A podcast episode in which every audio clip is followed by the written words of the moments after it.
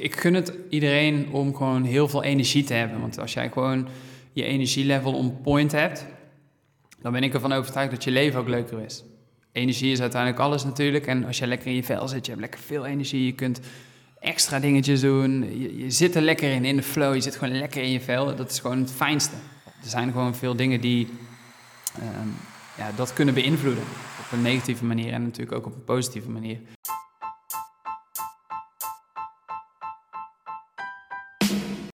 Yes, en vandaag ben ik in Rosmalen op het kantoor van Werkatleet. En de man tegenover mij, Jeroen Bouwman. Yes. Jeroen, Welkom in Rosmalen. Ja, inderdaad. Ik welkom hier, want uh, inderdaad, in Rosmalen. Ja. En jij welkom in de Fit voor Voetbal podcast. Dankjewel. Tof dat we het uh, gesprek aangaan. Ik volg Ja. al uh, een tijdje online. Tof om te zien waar jullie mee bezig zijn. Voor de mensen die jou nog niet kennen, je bent de co-founder van Werkatleet, waar we op dit moment zijn. Samen met je compagnon Joep Rovers op een missie om van werknemers atleten te maken. Daar zijn jullie tof mee bezig. Heel inspirerend om te zien uh, ja, de impact die jullie maken online, maar ook zeker offline natuurlijk bij de bedrijven zelf waar jullie mee werken. Dus uh, superleuk en inspirerend om te volgen. Maar ik zat te denken, ook de reden waarom ik je heb uitgenodigd, van ja, werkatleet, uiteindelijk al de tips en de tricks die jullie delen, heb ik zelf ook veel aan. Maar ik denk uiteindelijk de voetballers die hier naar luisteren, of de voetbaltrainers, die kunnen hier ook wel echt mee gaan inspireren. Dus vandaar uh, dat ik je heb uitgenodigd, dus nogmaals uh, welkom. Ja, thanks. Leuk, uh, leuk om het gesprek aan te gaan met je. Tof. 100 procent. Hey, op jouw Instagram lees ik, ga mee op ontdekkingsreis en ervaar welke superkrachten er in jouw lichaam schuilen. Ja. Zou je ons kunnen meenemen in jouw ontdekkingsreis? Poeh, ja, dat is inmiddels al best wel een lange reis. Ja, um, ja ik, ik, ik ben eigenlijk een beetje gestart met het uh, ontdekken van gezondheid uh, toen ik ja, nog wel een puber was, denk ik. Ik vond sporten en bewegen altijd heel, heel, heel interessant al. En ik wist ook vrij vroeg al wel dat ik daar wel iets mee wilde doen. Ik ben op mijn vijftiende ook begonnen met sportacademie, SEALS, wat jij ook hebt gedaan. Ja. Dus uh, altijd al wel ja, daarmee bezig geweest. Mensen helpen, lekker bewegen, lekker sporten.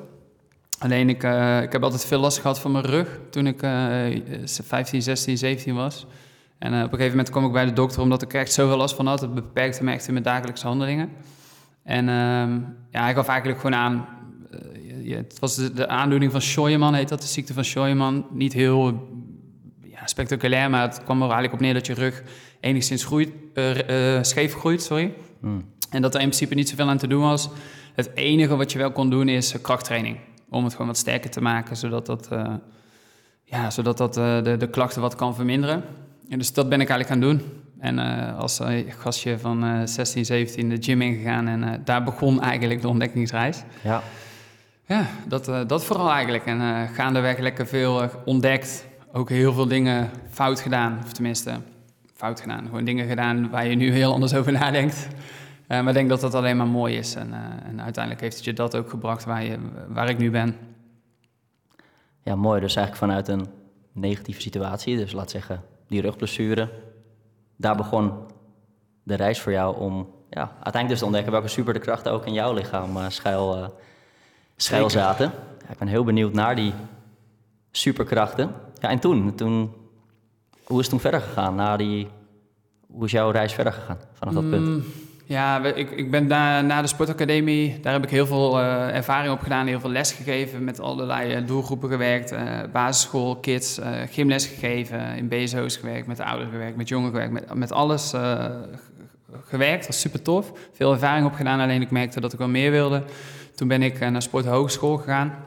En daar, ja, sportkunde. Heb je dezelfde opleiding als die jij hebt gedaan? Ook, nou, we hebben hetzelfde ja. pad bewandeld. Ja, mooi. precies. Ja, dat is mooi. Zelfde en, reis. Ja, dezelfde reis. Route, ja. Dezelfde route. En ja, super toffe opleiding. Heel veel van geleerd. Alleen ik merkte wel dat dat echt de basics waren. En uh, tijdens mijn afstudeeronderzoek uh, ging ik onderzoeken hoe het kwam dat mensen rondom hun werkplek weinig sporten. Of weinig bewogen en ongezond werden. Dat dat steeds ongezonder werd. Stress werd uh, steeds, kwam steeds meer opzetten. Hè? Stressklachten, chronische stress. En toen, ja, toen dacht ik, dat is wel een hele interessante. Hoe kunnen we er nou eens voor gaan zorgen dat mensen rondom hun werkplek wat meer aan vitaliteit kunnen doen, gezondheid kunnen doen? En uh, toen ben ik eigenlijk op het idee gekomen om dit te gaan starten samen met Joep. Ons bedrijf waar we nu uh, zes jaar mee bezig zijn. Joep die werkte bij Heineken op kantoor, heeft een andere weg bewandeld, heeft hotelschool gedaan.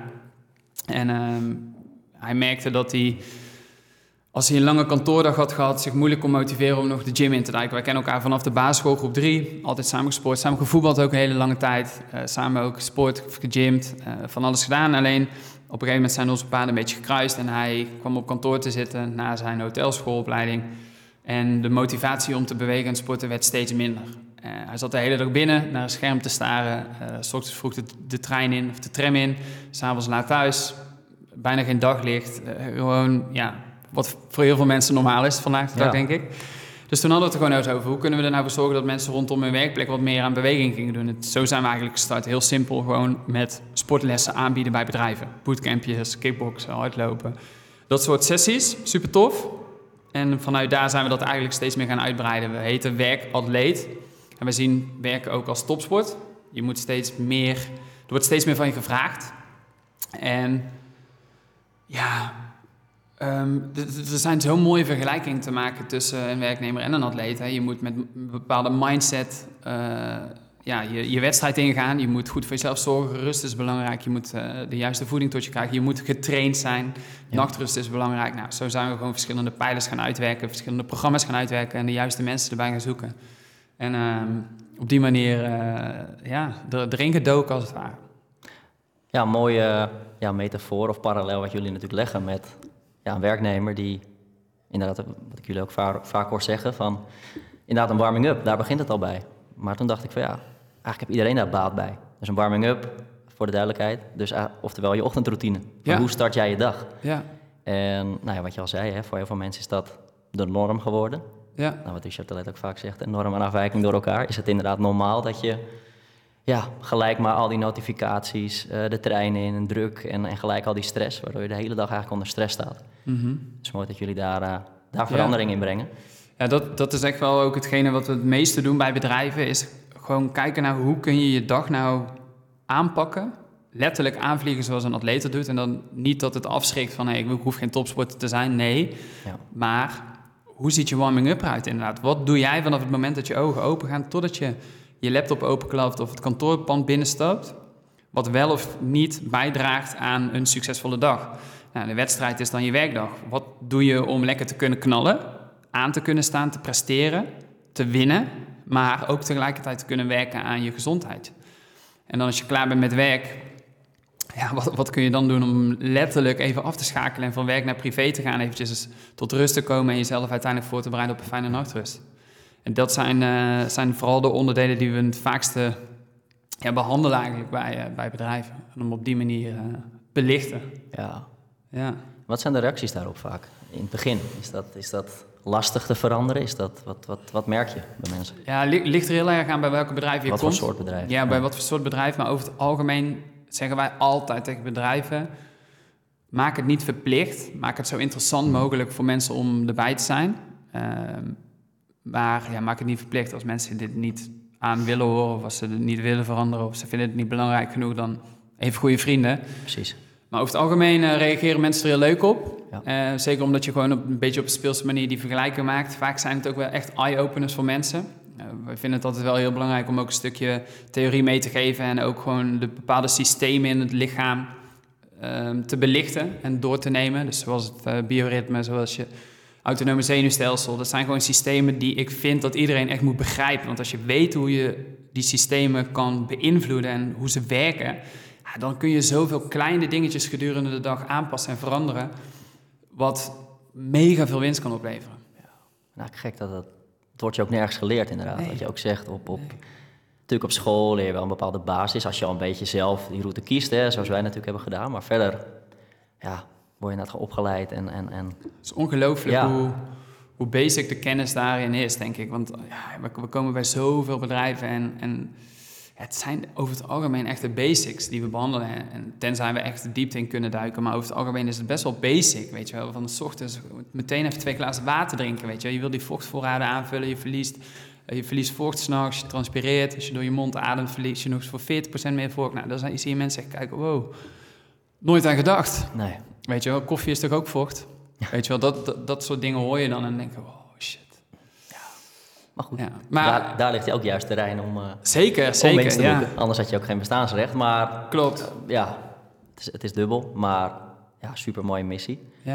Het lijkt me tof om deze ook heel praktisch te maken, deze aflevering. Ook echt met veel inspiratie, veel praktische tips. Je liet er al, eh, nou, net bijvoorbeeld hè, gelijk twee glazen water.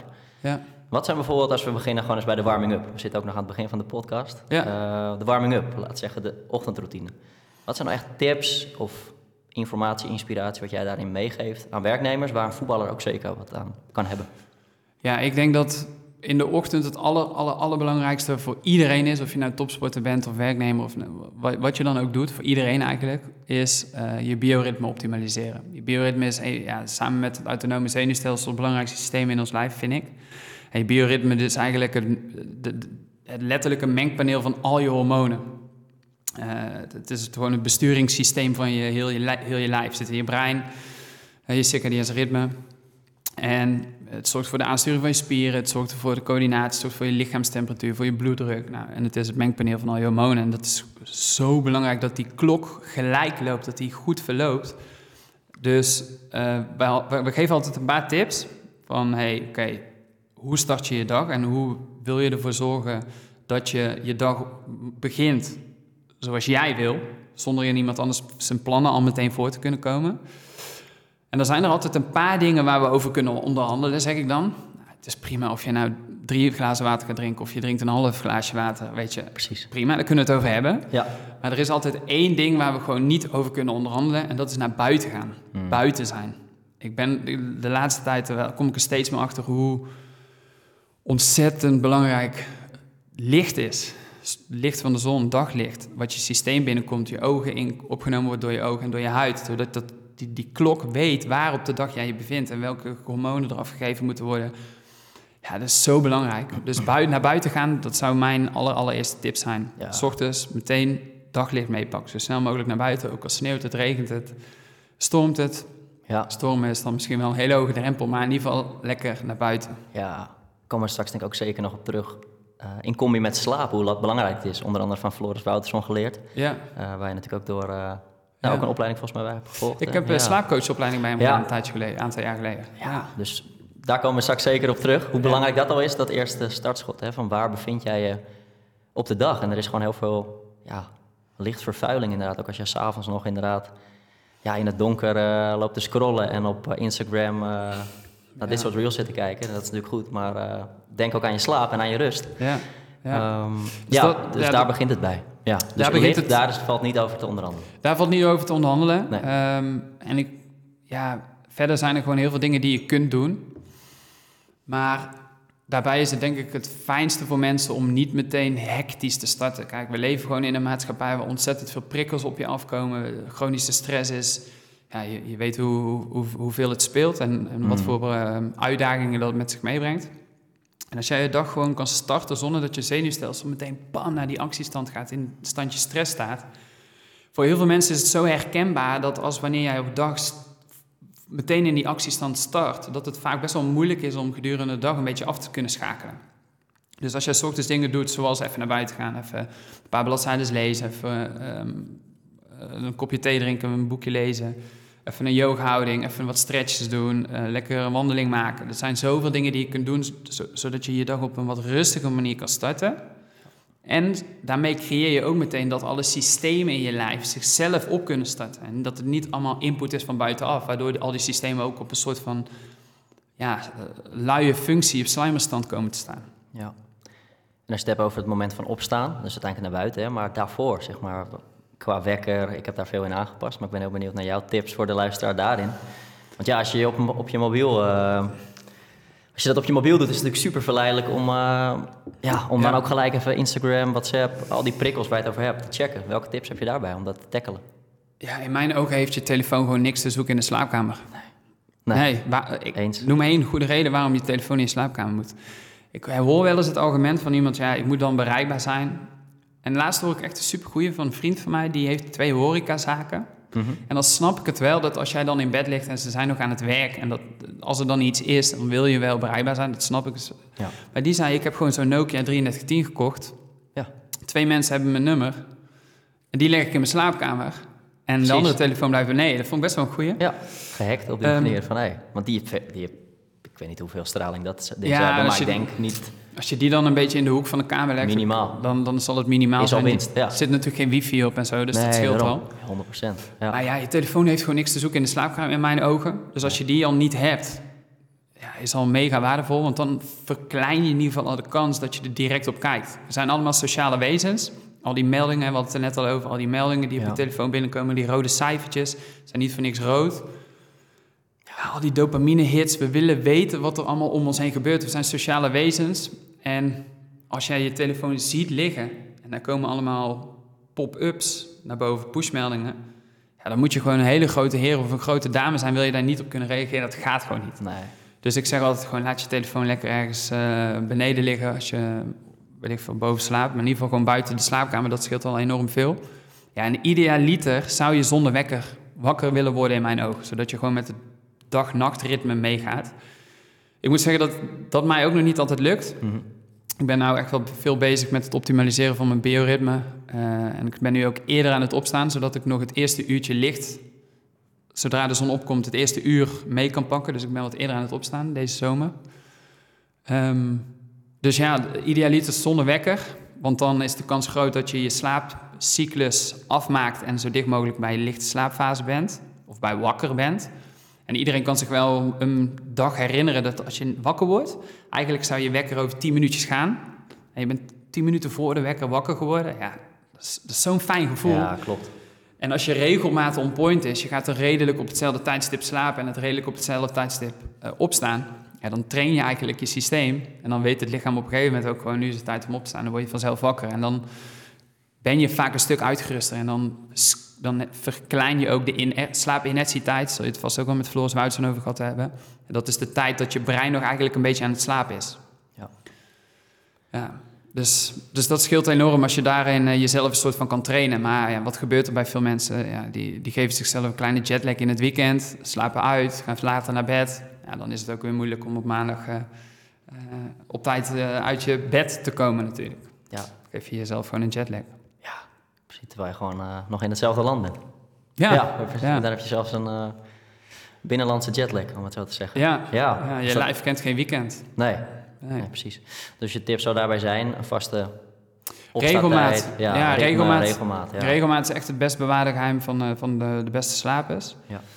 Dan, ehm, als je dan lekker rustig, uitgerust wakker geworden bent, ja, dan zou mijn advies altijd zijn: drink in ieder geval eh, lekker wat water om even je vochtvoorraden aan te vullen. Idealiter met een klein snufje zout erbij, om ehm, elektrolyten nog wat eh, toe te voegen.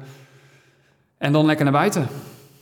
Ja, als je, als je dat als ochtendritueel hebt, ja, dan sta je gewoon 3-0 voor. Precies. Ja, in, dan eh, scoor je gewoon letterlijk in de wedstrijd binnen Ja. 10 minuten 3-0. Ja, precies. Dan om in Ja. voetbaltermen te blijven. Dan je wil met een voorsprong starten. En niet ja, je laten afleiden, maar de leiding pakken. Precies. Ja, en, Mooi. eh, dat lijkt me een mooie. Ja, ja. En dan daarna, ja, kijk, als je. Ik merk nu ook wel hoe chill ik het vind om een beetje op tijd op te staan. Want dan, dan heb je nog gewoon zoveel tijd in de ochtend waar je gewoon kan doen wat je wil. Waar je even lekker kan lezen. Lekker even, eh, nog even. Ik doe heel veel met veel ademwerk. Gewoon lekker even uitgebreid ademoefeningetje doen. Lekker naar buiten. Ja, ik ben zo aan het genieten nu in de zomer. Het is echt elke ochtend een feestje om gewoon lekker. Nou, dan ga ik altijd lekker naar een plas toe. Lekker buiten zijn in de natuur. Ja, Oh, is, is zo precies. lekker. Precies, in plaats van verbonden met je mobiel. Gewoon verbinding met jezelf. En eh, Precies. ja, wel mooi eh, met de podcast met Luke, die je ook eh, goed kent natuurlijk. Ja, Ehm hadden we het eigenlijk over van nou, om het in een meter van voetbal. Van nou ja, een keeper heeft ook een 16 meter gebied. Dat is eigenlijk je ochtend. Weet je wel, die kader je gewoon af. En, en dat is van jou. En dus dat is wel een hele mooie. ja. Wel super uitdagend. Ehm, ik merk dat zelf ook. Ene keer gaat dat echt lekker, weet je wel. Geniet je ook echt van die ochtend. ja. Tot je wel een keer toch denkt van, oh, ik ga toch even die melding checken. Ik, ik wil ook niet hier niet hypocriet zijn van, nou, dat gebeurt nooit. Niet perfect. Ehm, maar dan merk je inderdaad wel van, nee, hoe jij je dag start, is het eigenlijk gewoon ook hoe jouw dag is. Dan ben je gewoon al vluchtig, noem maar op. Maar echt dat, dat momentje pakken. En eh, Mhm. nou, onder andere als ik dit soort mooie gesprekken weer heb, dan hey, triggert me ook weer om, eh, om dat scherp weer te hebben. Ja, En scherp te houden vooral. Dus over het algemeen zeker, eh, in grote lijnen is dat zeker wel scherp. Maar ja. kan nog beter. En ik denk dat dat voor heel veel mensen ook wel herkenbaar is. Ja, ja, en kaders is daarin zo belangrijk. Ehm, als je gewoon bepaalde kaders hebt, Ja. scheelt zoveel.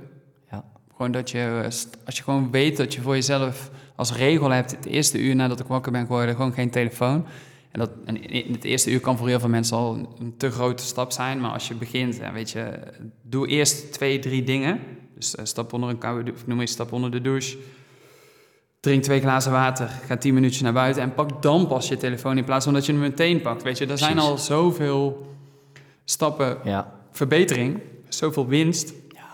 En zo, ja, ik, ik zeg ook altijd, begin ook klein en, eh, en ja, elke dag een beetje wint het altijd van heel veel, hoor je ook Ja. wel eens, hè? Zeker. Ja, Daarom. De kleinste stap maakt het grote verschil. En Ja. eh, het grootste verschil. Ja. Maar begin inderdaad met die kleine stap. Vaak Ja. mensen, ja, dat eh, ga ik niet doen. Nou, maar begin klein. Ja, Dat is winst. ja, 100 procent. En ook al, zeker de laatste paar afleveringen, ook met, met Luc dan over van... Een voetbalveld heeft ook inderdaad kaders, dus uitlijnen. Maar welke regels, oftewel welke uitlijnen heb jij? Want als jij een oneindig grasveld hebt, waar ben je dan eigenlijk naar onderweg? Dus als jij inderdaad dat afkadert al in de ochtend, ja, dan heb je gewoon heel helder van... Hey, dit is een momentje voor mezelf.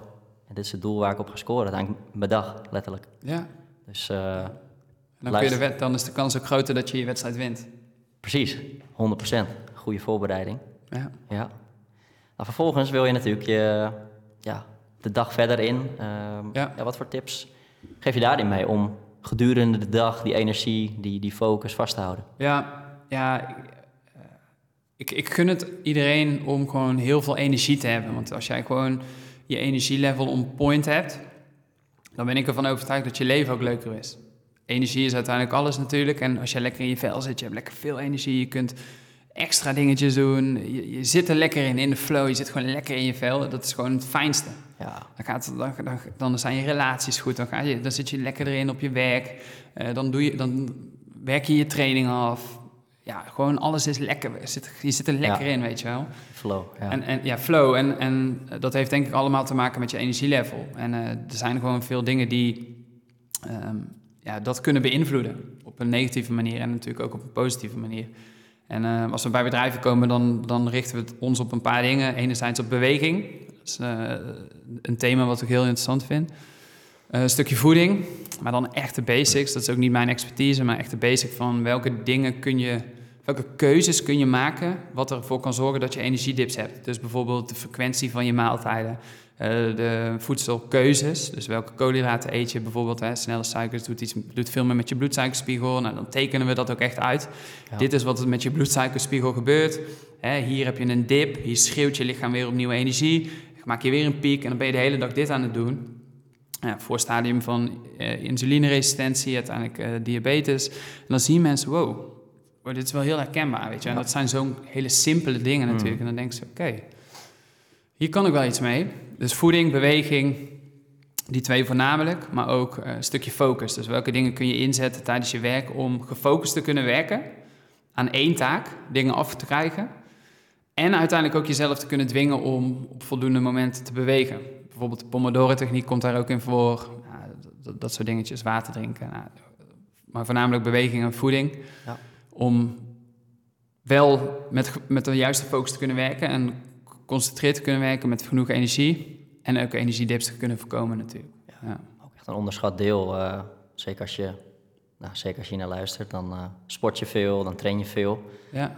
Dus daar gaan we vanuit. Maar dat weet ik wel zeker. Ja. Als ik kijk wie hier naar luisteren. Maar er is wel een groot verschil, en daar eh, hoor ik jou ook wel eens over spreken, tussen bewegen en trainen. Ja, Ja. Wat is jouw visie daarop? Ehm, ja, je hebt inderdaad bewegen en trainen. En wat je veel ziet is dat dat vaak bij veel mensen uit balans is. Dus of je hebt, je hebt, een, je hebt een groep die ontzettend veel traint. Eh, ik heb via CrossFit training gegeven bij een CrossFit box. En dan zag je mensen, nou, die kwamen drie, vier keer in de week. Super fanatiek. Maar die hadden daarnaast, dat is een kantoorjob, waar ze de hele dag zaten. Dus ze bewogen bijna niet, maar waren wel hard aan het trainen. Nou, die- dat was een, een groep. Had je ook het tegenovergestelde. Iemand die nooit, een groep die nooit traint, maar wel heel veel beweegt. Dus veel fietst. Als ze op vakantie gingen, zijn ze lekker aan het wandelen in de bergen. Eh, als ze naar, het naar de supermarkt gaan boodschappen doen, lopen ze. Of pakken ze het fiets, lopen ze lekker met twee tassen. Tuinieren. Nou, lekker veel bewegen, huishouden, noem maar op. Maar die trainen bijna niet. Dus ze gaan niet bewust het lichaam trainen. En dat kun je ook bijvoorbeeld noemen ehm, formeel en informeel. Dus formeel en informeel. Formeel is dat je dus bewust naar een plek toe gaat, of je gaat bewust een training eh, afwerken, of je gaat naar de gym, of je gaat padellen, of je gaat voetballen. Heel formeel. En informeel is dan eigenlijk alle dagelijkse beweging die je in je dag hebt. Ja. En als het uit balans is, dan... Kijk, kijk, die eerste club, die is denk ik niet belastbaar. Heel laag belastbaar. Want wat zie je daar heel vaak gebeuren? Die gaan vier keer in de week gymmen. Of naar de crossfitbox, of gaan hard trainen. Alleen ze zijn totaal niet belastbaar, omdat ze de rest van de dag op hun gat zitten. Slechte doorbloeding, eh, heel ongezond bindweefsel. Waardoor ze heel snel tegen een blessure aanlopen als ze dan die, die workout doen. Schiet in de schouder, als ze bij een, een barbel oppakken, schiet het in hun rug. Dat is heel interessant. Die tegenovergestelde groep, ik denk dat dat beter je basis kan zijn. Maar wat je bij die groep zal, zal zien, is dat ze niet vooruit gaan. Ze zullen nooit een stapje vooruit kunnen doen. Ze zullen hun lichaam niet verder brengen. Ze zullen niet sterker worden, ze zullen niet beter worden, ze zullen niet fitter worden. Misschien fitter tot een bepaalde hoogte, maar je begrijpt denk ik wel wat ik bedoel. Ja. Ik denk dat dat in balans zou moeten zijn. Dus dat je altijd, elke week, je lichaam op een bepaalde manier zou willen trainen om sterker te worden, fitter te worden, een bepaalde skill te leren. Ehm, wat, dan, wat, ja, wat je doel dan ook is, af te vallen, eh, spiermassa aan te komen. Eh, gewoon een pijnvrij lichaam eh, te creëren. Daar moet je voor trainen, in mijn ogen. Ja. Ehm, maar in mijn ogen kun je niet voldoende bewegen. Letterlijk. Je kunt niet voldoende bewegen. Je, nou ja, je kunt niet... Oké, sorry, ik zeg het verkeerd. Je kunt niet te veel bewegen. Je, Mm. in mijn ogen kun je gewoon de hele dag door bewegen. Ons lichaam is gemaakt om te bewegen. Ja. Ons lichaam is gemaakt om tegen de zwaartekracht in te werken in een staande positie. We zijn gemaakt om te lopen, om te wandelen, om, te- om dingen te doen. En beweging is de motor voor je brein, letterlijk. En als jij zit op een kantoor Ja. eh, een uur naar een scherm te staren, dan is een uur voor heel veel mensen nog kort. Mhm. Maar in dat uur ben je al letterlijk gewoon de hoeveelheid zuurstofrijk bloed naar je brein aan het verminderen. Ja, en, en het is gewoon een, eh, je pleegt gewoon roofbouw op je lijf. Dus, Super, eh, ja. dus ja, in mijn ogen zou iedereen in ieder geval, eh, dan zet ik hem laag in, twee trainingsmomenten moeten hebben per week. Afhankelijk van wat je doel is. Minimaal. Ja. Minimaal, Ja. echt minimaal. ja. Ehm, maar elke dag gewoon de hele dag door bewegen. Ja. Ja, dat, dat zou perfect zijn in mijn ogen. En eh, ja, bewegen kan gewoon niet genoeg. Als je aan het werk bent, zet, ja, zorg dat je een yogamatje neerlegt. Zorg dat je een kettlebell naast je hebt liggen. Zorg dat je een lacrossebal eh, bij de hand hebt. Dat je gewoon altijd even iets kan doen. Trek even een sprintje in de gang. Loop naar een collega toe, geef hem een high five. Maak een paar squats. Gewoon, ga lekker naar buiten. Gewoon bewegen, bewegen, bewegen, bewegen, bewegen. Ja. Alles wat je traint, word je beter in. Use it or lose it. Ja, Ja, dat, that- that's it. Ja. Ja, dat is mijn visie erop. En ehm, ik denk dat we gewoon met z'n allen als maatschappij gewoon veel te weinig bewegen. Eens. En dat zie je ook terug in de cijfers. Ja. Dus, eh, En ik denk, ja. zelfs, ik denk zelfs dat het de levensbehoefte nummer twee is, bewegen. Be- wat is levensbehoefte één? Ademen. mhm. Ja, daar kunnen we het minst lang zonder. Zeg ik dat goed? Ja, we kunnen het minst lang zonder zuurstof natuurlijk. Tij- Een tijdje niet eten kunnen we best wel even volhouden. Een tijdje niet drinken, iets minder lang, maar eh, ook best snel een tijdje. Maar wat is nou prioriteit nummer twee om te overleven? Ja, ik denk bewegen. Want als je teruggaat naar de jager-verzamelaar, naar de oermens, duizenden jaren geleden, degene die in, een- in een grotten wonen. Zij moesten in beweging komen. Ja. Er was nog geen thuisbezorgd, er was nog geen picknick, er waren nog geen go-scootertjes, we hadden nog geen telefoons waar we lekker even een paar keer op konden swipen. Nee, we moesten in beweging komen. We moesten gaan jagen, we moesten waterbronnen gaan zoeken, we moesten op pad.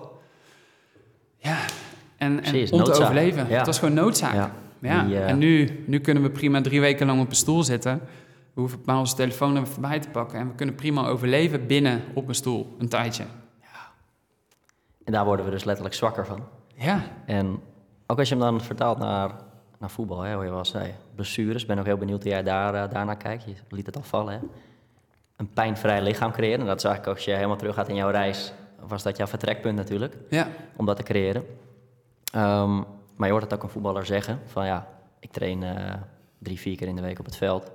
Maar er zijn ook gewoon onderzoeken naar, van onder andere Leo Pruimboom, vorige aflevering te gast. Misschien inmiddels alweer twee, door wanneer deze online komt. Maar onderzoek ook letterlijk in de Premier League naar het zitgedrag van spelers. Dus oké, je ziet aan de voorkant, hè, die gasten zien er fit uit, die, die, die trainen ja, x uur per, eh, per dag.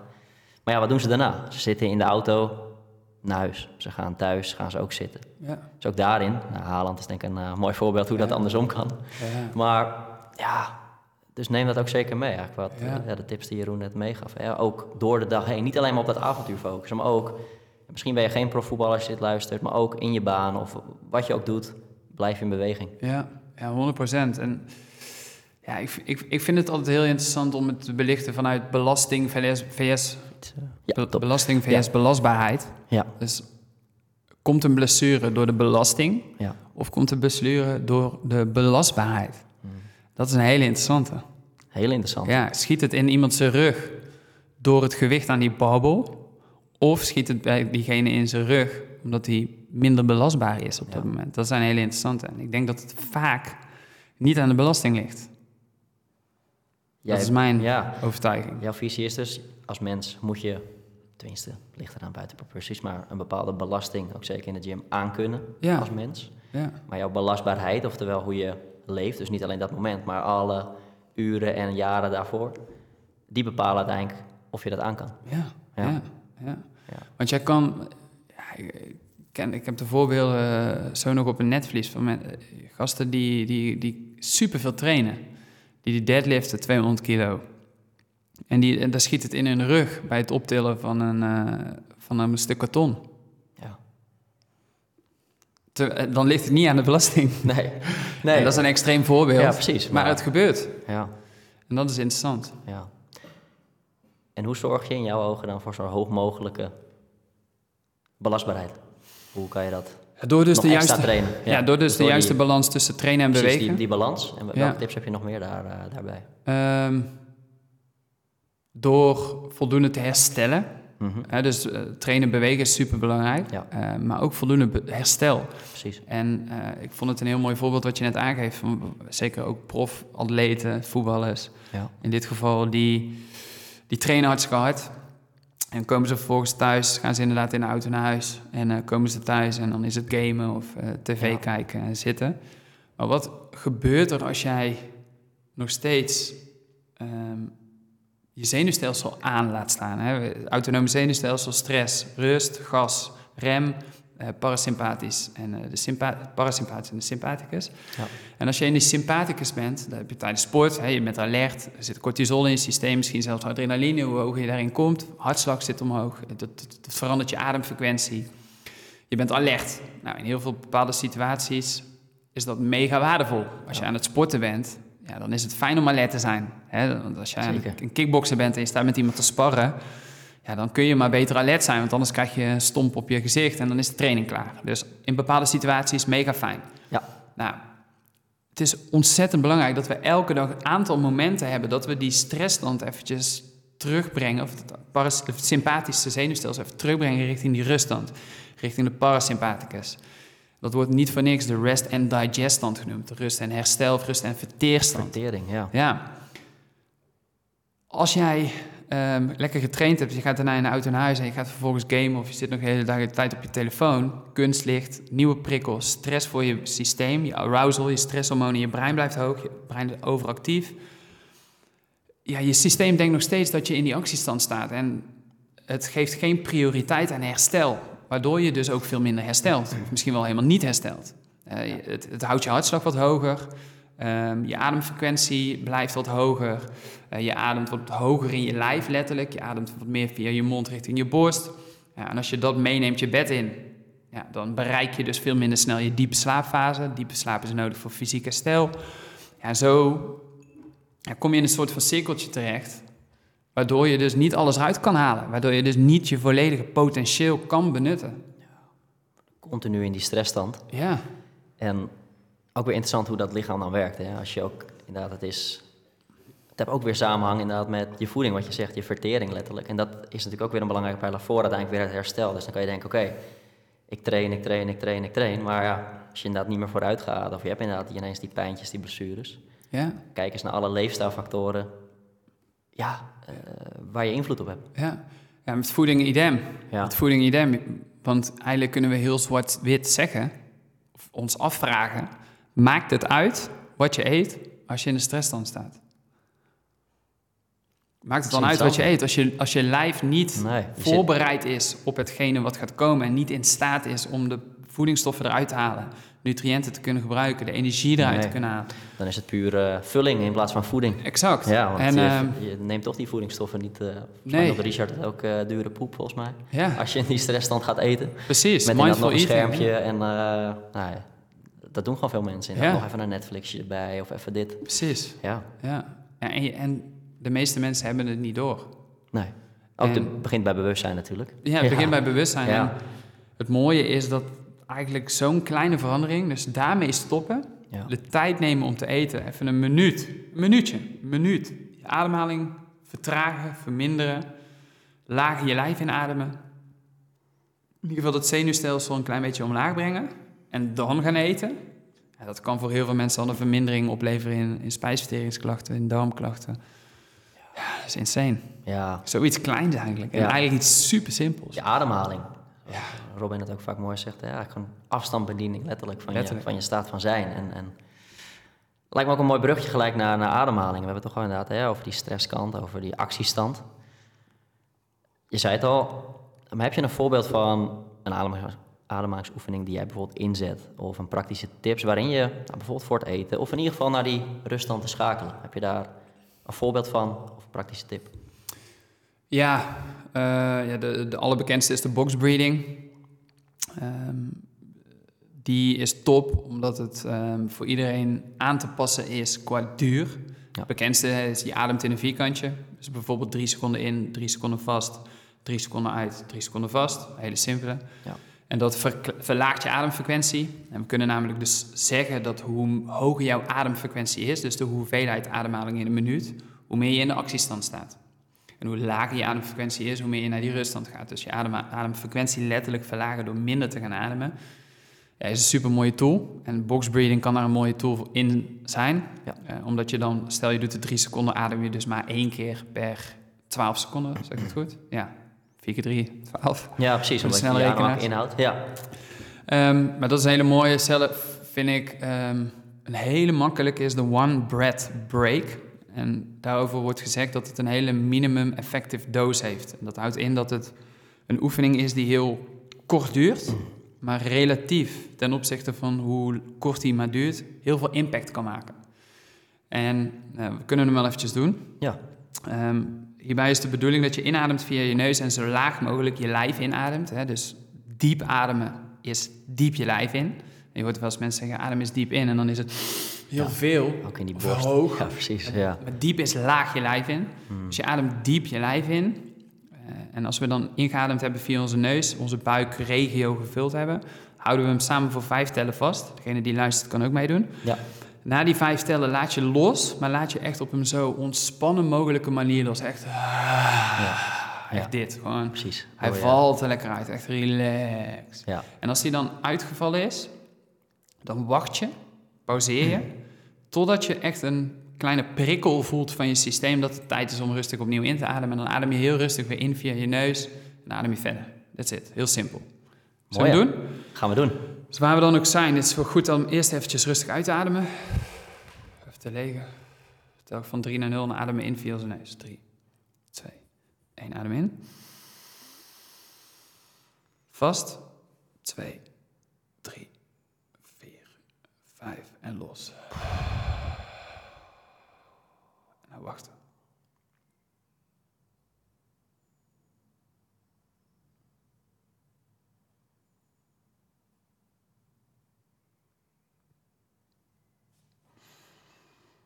Dan adem je rustig verder via je neus. Super simpel. En als je deze twee, Precies. drie keer doet, je, je landt. Ja. Je voelt echt gewoon dat je letterlijk landt. Ja. Dus even die rem indrukken. Eventjes die switch maken naar die beneden, dat beneden vlak Ja. richting die ruststand. En als je deze drie keer doet, is het max een minuutje. Zo simpel, Super simpel. maar het zijn vaak de simpele dingen die we, die we dan niet doen. Maar Mhm. ga het doen. Ja. Integreer het. En eh, Ja. ik voel het ook letterlijk inderdaad gewoon, je Ja, laat landt los. eventjes. Je hebt weer helderheid ook, weer Precies. opnieuw. Dus super simpele tool. Ja, ja die is top. Hele mooie. Ja, Die is top. En dan eh ja, het laatste wat, wat, wat iedereen gewoon toe kan passen, is gewoon je uitademing verlengen. Gewoon inademen via je neus, laat je lijf in en je ademt zo langzaam mogelijk uit. Tel je uitademing, als je je adem nog telt, ben je bezig met het tellen van je adem in plaats van met alle andere dingen waar je over na aan denken was. Een soort, mindfulness eh, training. ja. Ja, mooi. Het Ja. is voor het eerst zo lang stil geweest in deze afleveringen, denk ik. Maar Ja, juist ook eh, een hele praktische tip. Dus eh, ja, mocht je dit inderdaad luisteren of kijken, ik hoop dat je mee hebt gedaan. En eh, dat je even lekker bent, eh, bent geland. Ja, en het is ook een hele mooie om eventjes te doen voordat je bijvoorbeeld een wedstrijd hebt. Of voordat je een belangrijke presentatie hebt. Of dat je een meeting ingaat.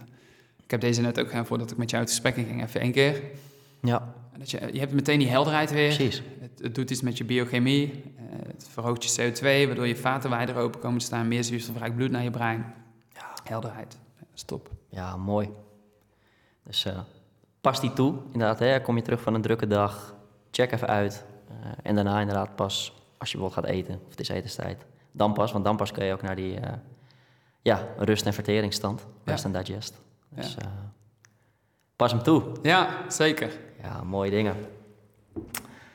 Ehm, als we het dan hebben over een, een avondroutine. Dus we, hebben, nou, we zijn al een beetje door de dag heen. Hè. We hebben het over ochtend gehad. We hebben het over nou, de dag zelf gehad. Hè. Beweeg daarin. Als we dan ook gelijk naar de cooling down. Weet je wel. eh, nou, voor een voetbalteam kan eh, wat stretches, wat dingen zijn. Mhm. Misschien een andere discussie, hè, wat je dan ook weer doet. Maar de cooling down als metafoor voor een avondroutine. Ja. Kan ze daarin meenemen? Welke tips en welke informatie geef je daarmee aan Ja. werknemers waar een voetballer ook zeker wat aan heeft? Ja, ik denk dat je avond uiteindelijk het doel heeft om lekker te verbinden. Sociale verbondenheid zorgt er uiteindelijk ook weer voor dat je zenuwstelsel gereguleerd kan worden. Dus ja, een goed gesprek met iemand hebben, lekker samen dingen doen, samen bewegen. Weet je, dat zorgt altijd ook weer voor dat je lekker een beetje kan landen. Maar uiteindelijk zou het doel moeten hebben dat je jezelf voor kan bereiden op een fijne nachtrust. Ja. En dat je je systeem ook de tijd geeft om lekker even af te schakelen. En daarin zijn er veel dingen die je kunt doen. Eh, sowieso avondzonnetje meepakken. Ik denk dat dat ook weer het gezondste is wat je kan doen. Dus de zonsondergang. eh, lekker buiten zijn in de natuur. Ehm, schermen beperken. En het liefste, en dan zet ik hem ook weer echt minimaal in. Minimaal een uur voordat je gaat slapen, geen schermen meer. Idealiter langer. Ja. En als je dan toch een keertje een avondje Netflix hebt met je, met je vriendin of vriend.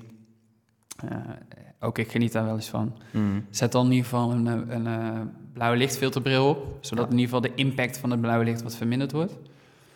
En verder is niet te laat eten. Ik denk dat echt voor heel veel mensen dat echt een hele fijne tip is, omdat dat zo veel impact heeft. Dus als je echt kort voordat je gaat slapen nog eet, Mhm. ja, dan zet je je verteringsstelsel eigenlijk weer helemaal opnieuw aan. Nou, dat duurt ergens eh, de- rond de vier uur om dat systeem er, eh, te- ja, eh, uit te zetten of, Ja. of eh, dat dat klaar is, zeg maar.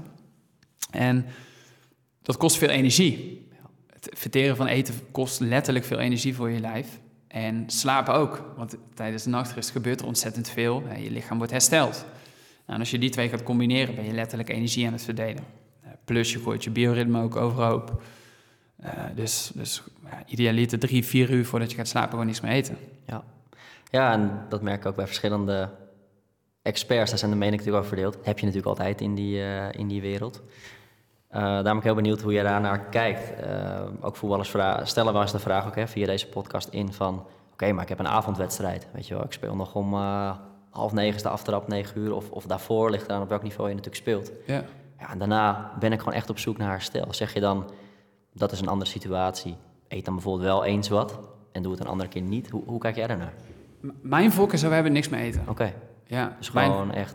ja, mijn voorkeur Ja. zou hebben als je dan s'avonds een wedstrijd hebt. Ja, weet je, Ja. dat, dat is dan eenmaal zo. Mijn voorkeur zou dan hebben om na zo'n wedstrijd echt de, volledig te focussen op het zo snel mogelijk. De zaak is zo snel mogelijk schakelen naar die ruststand door middel van bijvoorbeeld adem. Ja. Dus bepaalde ademinterventies op, inzetten om dat zenuwstelsel terug te brengen naar die ruststand. Uiteindelijk hartslag te verlagen, naar alle lichaamsfuncties die daarbij horen, ademfrequentie te verlagen. Zodat je systeem kan gaan herstellen en je uiteindelijk dus ook eerder weer in die diepe slaapfase komt. Uitgeruster wakker wordt, beter hersteld bent. Eh, ik, ik denk, mijn overtuiging is dat je beter herstelt als je de volledige focus legt op het terugbrengen naar die ruststand van je systeem en dat je die maaltijd skipt. Ja. Want dat is een hele leuke eh, discussie. Want Mm. ja, wa- wat is de winst van de herstelmaaltijd ten opzichte van het optimaliseren, zo goed mogelijk, goed mogelijk optimaliseren van je nachtrust? Want en in hoeverre heeft die maaltijd impact op je nachtrust? Weet je, dat, dat, zijn, ja, Ja. Dat, is, dat is heel interessant. Ja, Ik denk, ik denk dat het mijn, tenminste, ik weet zeker, mijn voorkeur zou dat hebben. ja. Maar een leuke, dat is een interessante ja, discussie. interessant, want het een hangt weer samen met het ander. En, Ja, en- ja. ja. want in hoeverre heb je dan nog iets aan het herstel van die maaltijd als het afbreuk, zeg ik het goed? Afbreuk, is dat een goed woord? Ja, of afbraak. Afbraak. Ja. In. Maakt niet uit. precies. Als het eh, impact heeft op je, of een negatieve impact heeft op je nachtrust. Ja. Dat is, dat, ja. Ja, dat is een interessante eh, discussie. Wat je al zei, hè? voeding is niet per definitie misschien jouw, echt jouw dingen waar je heel veel over spreekt. Maar aan de andere kant, je komt het wel weer tegen in alle thema's. Want alles hangt natuurlijk Ja. met elkaar ja. samen. Daar was ik wel benieuwd naar, omdat je het net eh, zo noemde van... hé, hey, dan inderdaad niks eten. Ja. Ik ben daar zelf ook mee gaan experimenteren. Natuurlijk flink wat jaren terug. Ja, eerst nog inderdaad eh, bakken kwark nemen, weet je wel. S'avonds, ja, moet herstellen, weet je wel. En Ja. daar ook mee gaan experimenteren. Van oké, en ik meet nu ook mijn slaap. Nee, ik toen niet. En dan zie je letterlijk ook soms, eh, als je het wel een keer wel doet, hè. Stel, je bent wel een keer, je eet laat. Gewoon omdat het op die ma- manier zo uitkomt. En dan zie je gelijk hoe dat toch je slaap beïnvloedt. Dus uiteindelijk Ja. die data, die... Dan zegt letterlijk Ja. Ring ook in de app van... ehm, ja, die en die maaltijden. Of, of heb je een maaltijd genomen? Dus je schat Precies. het zelfs in. ja, precies. Hij, vraagt het letterlijk, Ja, van heb je nog laat gegeten? Ja, precies. Ja. Dus dat, dat, dat was voor mij wel een inzicht. Sinds ik dit ben gaan meten. Ja. Ehm, ik denk, ja. Wij zijn laatst naar Spanje geweest met ons team. En toen aten wij ook best wel laat daar. Gingen we een beetje mee met de Spaanse tijden. En dan aten we best wel vaak een steak of eh, gewoon best wel flinke, flinke maaltijd. ja. Echt eh, vol proppen, zeg maar. Ja, ik, ik, ik sliep echt niet goed daar. Nee, Terwijl ik altijd... Ik, mijn slaapscores zijn echt goed. ik zie het voorbij komen in je Ja. stories. Ja. Alleen daar sliep ik echt minder. Terwijl ik de hele dag Ja. buiten was. Het zonnetje scheen de hele dag. Ik had hartstikke gezond. We waren elke dag lekker aan het sporten en veel aan het bewegen. Maar ma- mijn mijn slaapscores werden minder. Kan- Kun je zeggen dat dat kan met andere dingen te maken heeft. Maar ik weet wel zeker dat dat een grote impact had. Ja. Ja. Ja, interessant. Als je, ehm, tenminste, volgens mij heb je dat ook in een eerdere podcast laten vallen, van ook belangrijk hè, je gevoel uiteindelijk hè, bij die data, van hoe voel je ook en, en Ja. niet alles erop baseren, maar ik, ik vind het wel bizar hoe, ehm, hoe nauwkeurig eh, ja, zo'n ring kan zijn. Ja, ja, ik, ja ook daarin is het natuurlijk Ja. weer belangrijk om de balans te bewaren. Want ergens denk ik dat het heel belangrijk is dat je goed kan voelen. Ja, En dat we met z'n allen over het algemeen daar niet altijd meer goed genoeg in staat toe zijn. ja, Hè, want als we maar constant lekker in die actiestand staan en we blijven maar doorrollen, kunnen we dan nog wel voelen? Ik denk het niet. nee, En dan, kom je, dan, dan heb je die, die gozer die naar, vakantie, op, naar zijn vakantieadresje gaat en het hele, het hele jaar mega hard gewerkt heeft, op zijn vakantieadres aankomt en ziek wordt. ja. Dat is een perfecte voorbeeld. Ja, precies. Ehm, want dan heb je de signalen niet kunnen herkennen. Nee. Puur omdat je gewoon constant maar door blijft beuken. Alleen, voelen is ook ergens wel weer gevaarlijk. Want er zijn ook heel veel situaties waarin je je heel goed kan voelen, maar niet weet wat je lever doet op dat moment. Of je, eh, hoe je longen functioneren, of dat je bepaalde organen. Snap je wat ik bedoel? Hmm. Dus Ja. ik denk dat daarin ook weer een belangrijke mix, eh, of een belangrijke balans eh, gecreëerd moet worden. Dus inderdaad, data geloof ik heel erg in, Ja. tot een bepaalde hoogte. Tot op alle hoogte. zeker. Luister ook vooral lekker naar je gevoel. Laatst hoorde ik iemand zeggen, ja, ik, voel me heel, ik voel me fantastisch na drie bier. Ja. Ja. dan kan je zeggen, ja, voelen is belangrijk. Ja. Ja. Ja, dat vond ik wel een mooie van, eh, van hem. Ja, ik weet niet of je het als je het aan zijn lever vraagt hoe die, eh, precies, hoe die zich voelt. precies dat bedoel ik ermee te zeggen. Precies, precies, dat is een mooie- Dat, dat zette mij wel aan het denken. Ja. Ja. Ja. dan voel je ook eh, vakantie, dan voel je je fantastisch. ja. Maar omdat ook dus bepaalde systemen uitstaan even. Die Precies. remmen ze eraf. Dus, precies, precies. Dus, dat is het ook natuurlijk. Ja, precies. ja, Ja. ja. ja. Nou goed, je, Interessant. ja, eigenlijk daarin wel weer nou ja, luisteren of, of voelen. Maar ook luisteren naar je lichaam is ook iets wat je vaak hoort als we dan helemaal aan het begin van jouw reis kijken. Hè? Blessures. Ehm, ja, kan ons daar eens in meenemen. Van, van het voorkomen van blessures tot aan omgaan met blessures. Volgens mij heb jij een eh, kruisband eh, afgescheurd. Dat je daarom ook, eh, dat weet ik toevallig, je, jouw eigen voetbalverhaal. Ja, Ehm, stop met voetballen ja, daardoor. gestopt met voetballen daardoor. Ja. Ja, ja, kloten. Ja, Kloten. Als je gewoon niet, niet, niet kan doen wat je wil doen. Blessures is gewoon echt ontzettend vervelend. Ja. Eh, ik heb mijn kruisband afgescheurd met voetbal. En toen kwam ik bij een fysiotherapeut en die zei... Ja, je moet ehm, niet opereren, maar je kunt het prima gewoon zelf optrainen. Bovenbenen sterk maken en dan eh, komt het wel goed. Ja. Nou, Ik heb geluisterd, acht maanden gerevalideerd, veel getraind. Helemaal ready. Tweede training, weer er doorheen, bats, eh, weer klaar. Zo. En toen dus wel geop- geopereerd, weer negen maanden gerevalideerd. Zo. Twee, wel t- inmiddels dan al zeg maar bijna twee jaar niet gevoetbald. Ja, en daarna voelde ik gewoon meer, ik weet dat, eh meniscus ook eh, problemen. En het bleef gewoon instabiel en niet, niet sterk. Dus toen dacht ik, ja, ik werkte in de sport. Toen dacht ik, ja, dit, eh, dit eh, moet ik eigenlijk gewoon niet meer willen. Je bent je materiaal, je gereedschap. letterlijk. Precies, Ja. precies. Dus Ja. toen, eh, toen ben ik daarmee gestopt. Eh, maar het is gewoon ontzettend vervelend als je niet kan doen wat je wil. Eh, daarbij ben ik wel altijd van overtuigd dat je altijd dingen wel kan doen om je blessure heen. Kijk, stilzitten word je nooit beter van. Dus als je een knieblessure hebt, ja, zorg dat je wanneer je wel weer een beetje kan bewegen, dat je wel in ieder geval zo snel mogelijk weer gaat bewegen. Dat je lekker naar buiten gaat. Dat je bij wijze van lekker eh, zo nu dan een gewichtje even oppakt. Precies. Even je schouders traint, even wat core of een plank doet. je kettlebell even een paar keer optillen. Ja. Er is altijd wel wat te doen. Dat was ook een van de vragen die ik had aan je, hoe jij daarnaar keek. Maar dat merk ik ook bij... eh, nou, ik, ik heb je het natuurlijk verteld, hè, over ons online coaching platform voor voetballers. Dus wij, zijn, wij letterlijk de performance coach zijn in hun broekzak. Waarin Ja. ze elke maand nieuwe schema's krijgen. Maar ook daarin, wij werken ook sowieso in korte sprints. Dus in een programmering van bijvoorbeeld vier weken. En daarna weer een nieuw schema bewust. Want er kan iets gebeuren in die periode. In plaats dat je het hele jaar vooruit plant. Maar daarin ook, ja, sommige spelers die zeggen dan, ja, ik ben geblesseerd en eh, ik zeg op en ik kan niks doen. Zeggen we ook van, hé, kijk naar wat je wel kan doen.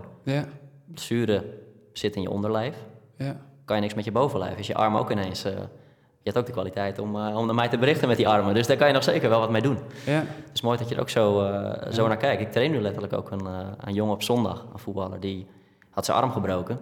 Het was precies in de periode dat hij wilde starten met één op één training. We doen ook eh, offline eh, doen we ook de trainingen nu in Amsterdam. ja. Maar ja, wil niet zeggen dat je niks kan doen. Want ik denk ook juist in die blessure, ik ben heel benieuwd hoe jij daarnaar kijkt, ook voor je herstel, qua doorbloeding, als je dingen blijft doen, ja, super. Hoe, ja, hoe kijk jij daarnaar? Eh, je hebt een blessure. En, Ja, Ja. kijk, met de kennis die ik nu heb, die kennis had ik toen nog niet. Nee. Toen, ik was denk ik 20 toen ik mijn kruisband afscheurde. Ik ben nu 30, dus 10 jaar geleden. Ja. Maar met de kennis die ik nu heb, zou ik er alles aan doen om het herstelproces zoveel mogelijk te versnellen. En eh, ik denk dat bijvoorbeeld ademhaling daar een mega belangrijke rol in kan spelen. Of speelt, 100%. Dus als jij door middel van je adem, eh, je, adem je, adem functioneel verbetert, dan heeft dat een e- enorme impact op je herstelproces. Het, maakt, het kan ervoor zorgen dat je meer ATP aanmaakt. Dat je, het doet iets met eh, de gezondheid van je mitochondriën, je energiefabriekjes. Waardoor je letterlijk sneller herstelt. Er gaat uiteindelijk meer zuurstofrijk bloed naar eh, bepaalde plekken toe. Je vaten komen wijder openstaan. Eh, je, je kunt een betere switch maken tussen de stressstand en de ruststand. Eh, het, het bevordert, let, het versnelt letterlijk het herstelproces. Dus ja, je kunt daar ontzettend veel mee. ja. Kijk naar wat je wel kan doen in plaats van, ik kan dit niet. Maar Ja. Je lichaam bestaat uit nog meer ledematen en, en die ademhaling heb je nog steeds en Plus, allerlei tools. ja. Ja. Precies dat. En, eh, en, en uiteindelijk denk ik ook dat het heel belangrijk is. Ik schop de hele camera aan. Oh. Ik ben een beetje aan het bewegen zo nu. ja, precies. Ja, belangrijk. Ja. Ehm, wat wil ik zeggen? Oh ja, dat je uiteindelijk ook wil gaan kijken naar gezond bindweefsel. Eh, dat is ook wel echt iets waar ik de laatste jaren eh, flink ingedoken ben, omdat ik dat ook heel interessant vind. Bindweefsel, ja. bindweefsel is zo belangrijk. Als je dat soepel weet te houden, gezond weet te houden, dan heeft dat gewoon een impact op heel je lijf. En het mooie ook van blessures is, is dat het ergens zit in je systeem. Maar dat wil helemaal niet zeggen dat het ook daadwerkelijk daar zit. En dat het niet ergens anders vandaan komt. Als er ergens anders bepaalde spanningen ontstaan, dan kan het best zijn dat er eh, ja, ergens anders in je systeem iets, iets, iets eh, mis is. Ja. Ehm, mooi voorbeeld is je voeten. Je voeten is gewoon letterlijk de fundering van je lijf. En als daar een disbalans ontstaat en je fundering wordt minder, ja, dan als je fundering van je huis minder wordt, dan ontstaan er ook scheurtjes. Letterlijk. Uh, en je wil voorkomen dat het huis in elkaar stort. Ja. Hetzelfde met je lijf. En neem ons eens mee, bindweefsel. We kennen allemaal de term. Ja. Uh, wat is bindweefsel en waarom is het zo belangrijk? Bindweefsel kun je eigenlijk zien als een groot spinnenweb. Uh, onderhuids spinnenweb. Het is gewoon een Spiderman pakken wat we aan hebben. Het gaat door alles heen en het verbindt alles met elkaar. Um, het zorgt voor de structuur van je lijf. Als wij geen bindweefsel zouden hebben, dan zou je eigenlijk gewoon een hoopje huid, botten, spieren en organen zijn. Mm. Nog wat andere dingetjes. Ja. Um, dus het zorgt letterlijk voor de structuur, voor de stevigheid van je systeem. Daarbij is het eigenlijk een, een, een, een systeem wat energie doorspeelt. Dus als jij aan het bewegen bent en er komt een bepaald signaal in je brein. En dat, dat gaat letterlijk door je bindweefsel heen, die energie, die, die pad. Actiepotentiaal heet dat. Maar ook zorgt het voor de afvoer van afvalstoffen. Dus het verwijderen van afvalstoffen en de toevoer van voedingsstoffen. Er zit bijvoorbeeld uh, elastaan in, dus dat zorgt dat het elast elastisch is. Het genereert, het genereert niet kracht, maar het geeft kracht door. Ja, dat zijn er heel veel voordelen. Uh, ja, het is, het is zo'n belangrijk systeem. En we hebben een aantal bindweefselketens in ons lijf. En die gaan echt van top tot teen. Dat verbindt letterlijk alles met elkaar. En als jij, als jij naar een anatomische afbeelding kijkt van iemand, hè, je ziet, zie je zo voor je de spieren. Ja. Ja, dat is eigenlijk allemaal fascia wat je ziet, allemaal bindweefsel. Uh, je, dat noemen ze dan myofascia, dus dat een bindweefsel wat rondom de spieren zit. Dat zorgt eigenlijk voor de structuur van je spieren. Ik heb laatst een heel mooi plaatje gezien in een boek. Uh, dat was van Leonardo da Vinci, heeft dat getekend heel lang geleden. En die heeft eigenlijk een afbeelding gemaakt van hoe spieren eruit uit zouden zien zonder bindweefsel. Mm. Ja, dan zie je echt een paar, gewoon een paar touwtjes lijken Ja. het wel. Gewoon- Dus het is zo'n belangrijk systeem. Ehm, ja, ik denk dat daar nog, nog wel veel meer aandacht naartoe mag. Omdat als we zorgen dat bindweefsel soepel is... Kijk, knelpunten ontstaan in bindweefsel als er bijvoorbeeld een klein traumaatje ontstaat. En dat kan een blessure zijn. Dus als jij heel tegen je enkel aangetrapt wordt... Bam, eh, een, een, een letterlijke ophoping in het bindweefsel. Als je door je enkel heen gaat zelfs. En dan verliest het zijn energie. Alles wat energie verliest, zet uit. Dus je enkel wordt dik. Bindweefsel kan niet meer lekker stromen. En, en dat zorgt voor pijn, dat zorgt voor een belemmering van de functie. Ja. Maar het kan ook zijn dat jij, als je een auto-ongeluk hebt en je krijgt een keiharde klap. Dat is een beetje bos, keihard, maar Mhm. heel hard. ja, precies. ja. Je krijgt een hele harde klap Ja. en, je, en je, bijvoorbeeld een whiplash. Dat Ja. doet ook iets met het bindweefsel. Maar ook kleine eh stresstraumaatjes, maar ook eh, dingen die je meemaakt in je leven als je een keer als kind heel hard valt. Dat zijn allemaal traumaatjes die opgeslagen kunnen worden in het bindweefsel. En daar moet je aandacht aan geven, dat wil je eruit hebben. Want als je dat, die, die, als je dat niet doet, je moet het zo zien, het is als het ware een soort van bevriezing wat er plaatsvindt. Het bindweefsel bevriest, waardoor het niet meer lekker kan geleiden. En dat moet je ontdooien. Je wil eh, het hydrateren. Bindweefsel bestaat voor 80% uit water, zelfs nog ietsje meer. En het kan dus letterlijk bevriezen. En daardoor verliest het zijn functie. En dan verliest het de functie van de hele keten. We hebben een lijn aan de achterkant van ons lichaam. Die loopt eigenlijk van de onderkant van je voeten helemaal over de achterkant van je lijf. Tot over je schedel, tot aan de voorkant. Nou, we hebben een lijn aan de voorkant. Ehm, die loopt vanuit je, hoofd, vanuit je hoofd hier helemaal langs de voorkant. En dan aan de bovenkant van je voeten eindigt die. We hebben een lijn aan de zijkant. We hebben lijnen op onze armen. Dat zijn gewoon letterlijk die fascia-ketens. En als daar ergens ja, letterlijk eh, knelpunten ontstaan, waardoor het niet meer lekker, lekker gehydrateerd is, dan zorgt dat voor problemen. En het mooie daarvan is, vind ik, is dat een knelpunt in je voeten, of hier bijvoorbeeld rondom je heupgebied, er uiteindelijk voor kan zorgen dat je knieklachten krijgt. hey, en dat is interessant. Ja. En hoe ontstaat dat? Dus het probleem zie je uiteindelijk in de, in de knie.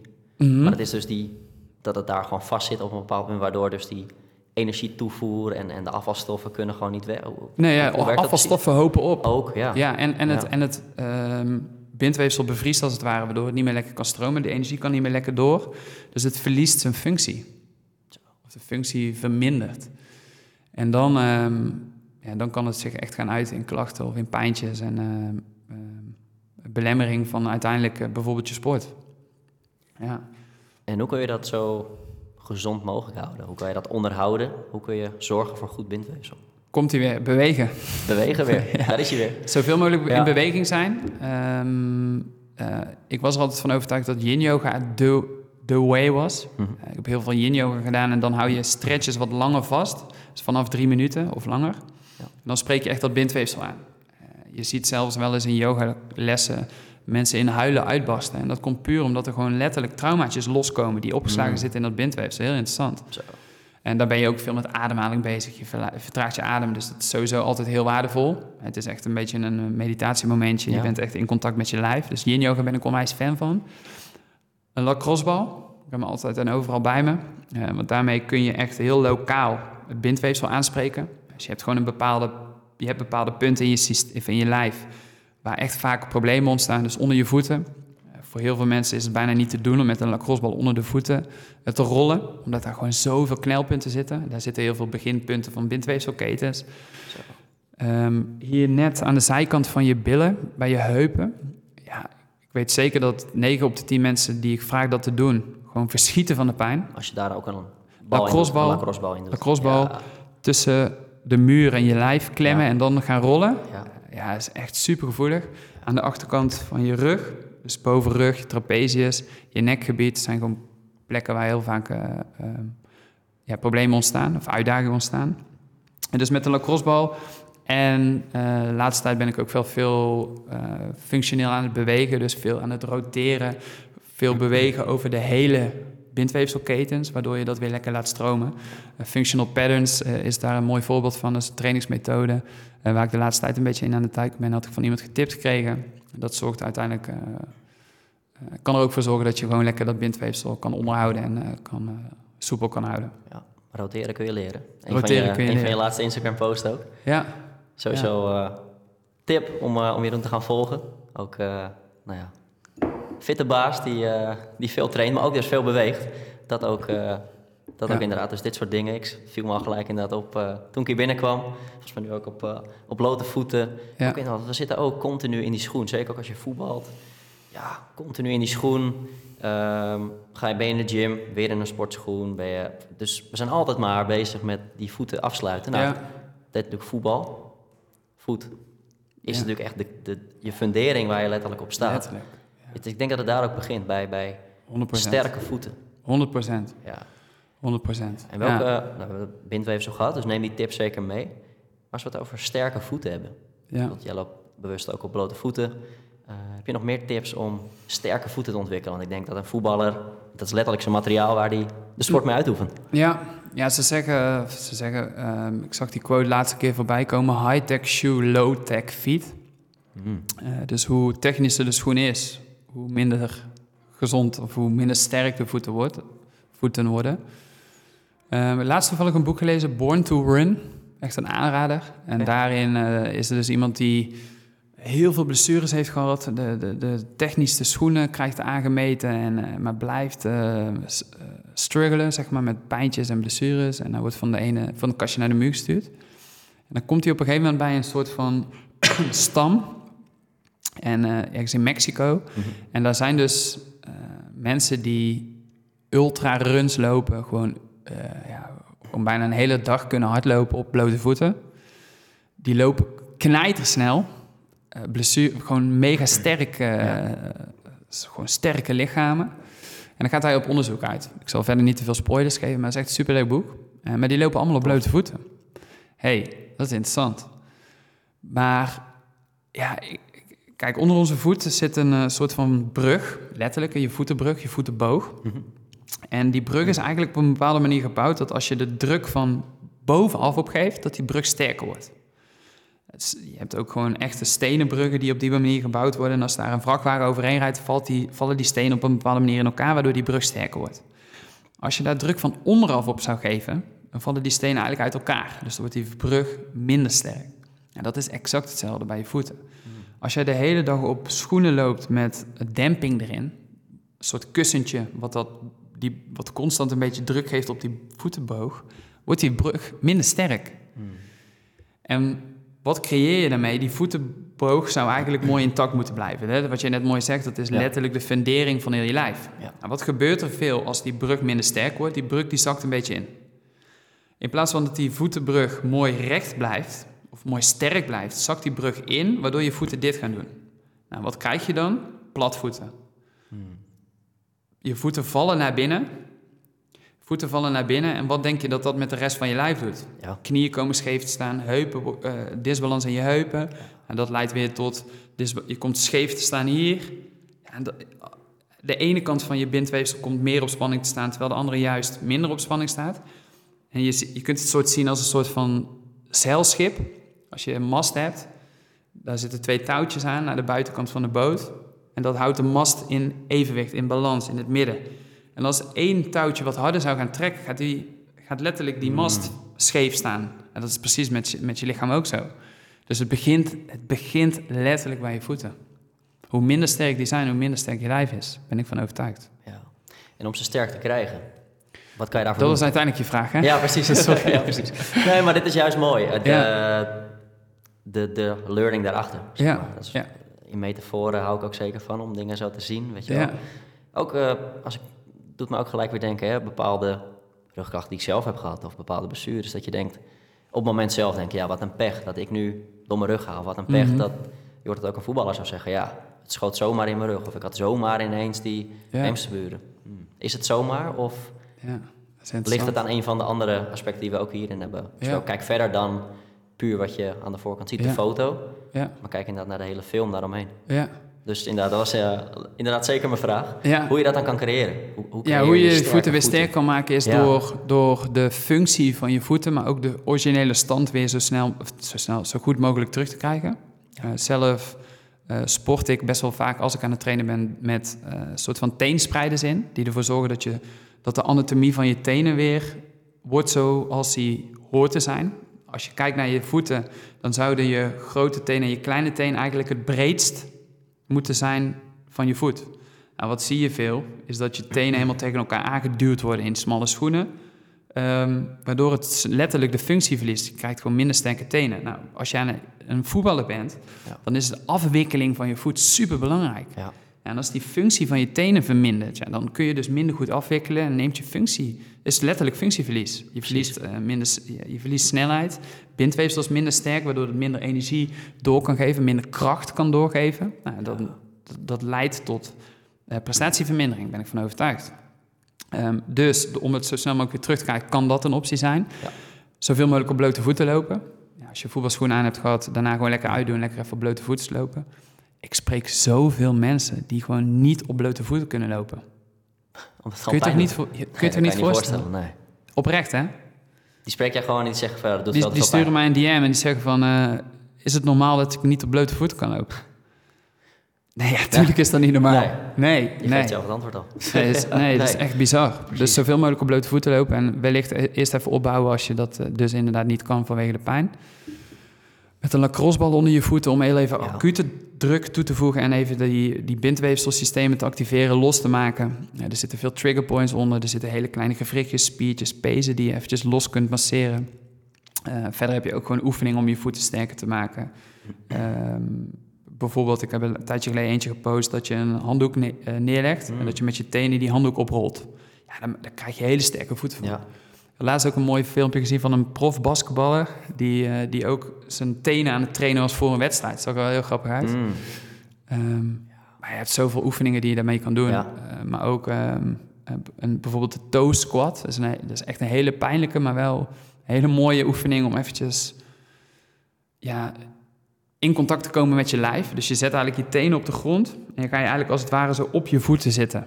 Ja, ik kan hem nu niet voordoen. Ja, die heb ik een tijdje geleden ook gepost, maar dat is... eh, Dus diep zitten. En, eh, ja, je leunt eigenlijk op je tenen. Dus Ja. je doet, eigenlijk, je doet eigenlijk dit met je voeten. Dus zeg maar, je, je, je, je, zet, eh, je zet eigenlijk rek op de onderkant van je voeten. En als je Mm. er dan een soort van op gaat leunen...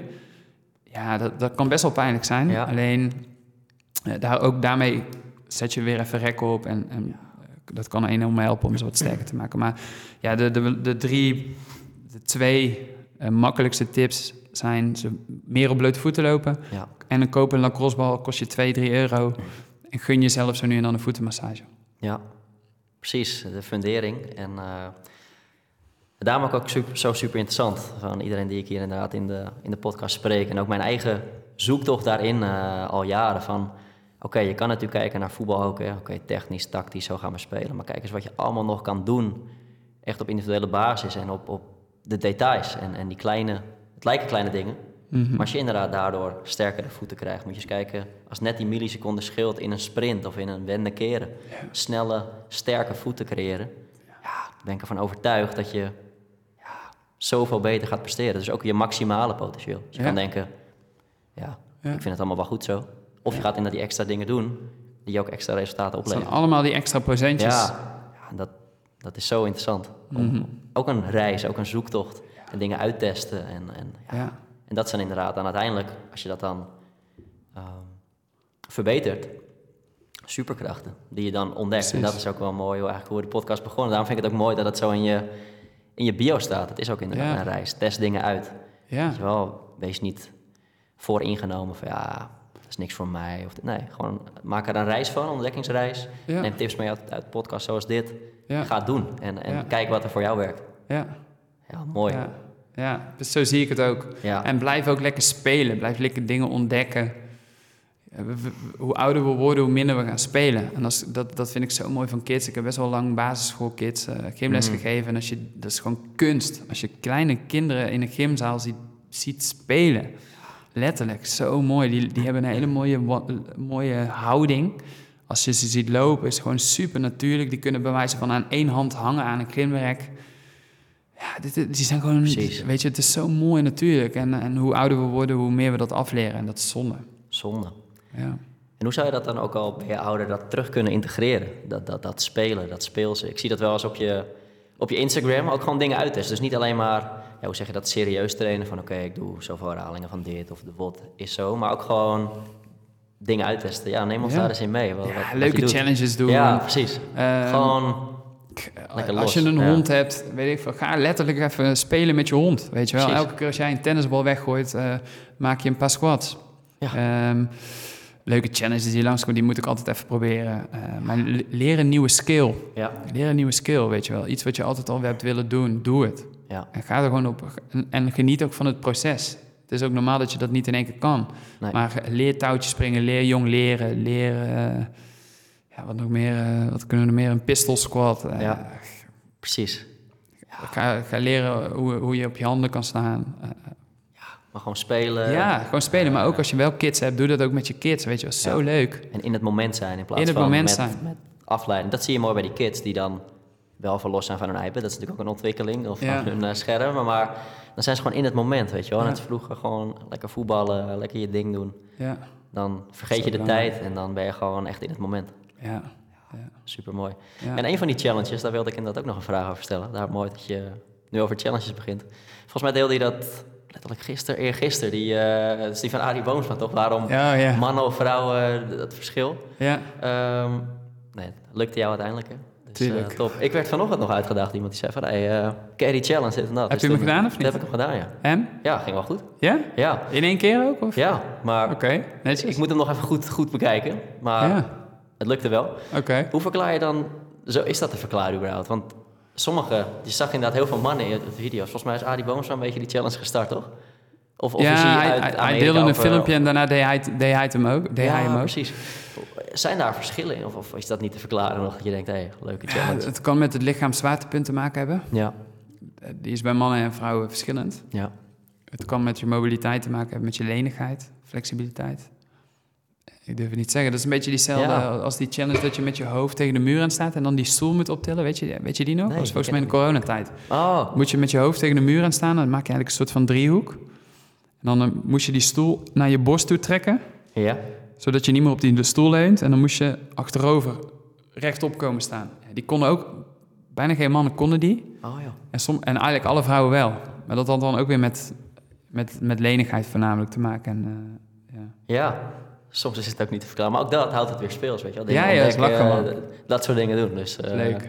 leuk. Een beetje dingen uit, eh, uit Ja. testen. Mooie dingen. Dus jij was ook uitgedaagd. Ja, dan moet ik dat altijd dan even moet je dat zeker even doen. Zeker. Ja, Leuk man. ja, mooie dingen. Mooie dingen. Ja. Ik toch nog een kort... ehm, bruggetje maken naar ademhaling. We lieten het al een paar keer, paar keer vallen. Ja. Natuurlijk ook met Robin wel veel over gehad, ook in deze aflevering. Ehm, maar uiteindelijk, zeker als je in een wat hogere intensiteit zit. Uh, Volgens mij heb je daar een keer iets over gedeeld, hè, in verschillende zones qua, qua ademhaling. Ja. Ehm, ja, wat is in jouw ogen de functionele ademhaling? Dat is natuurlijk door de neus. Alleen, Mhm.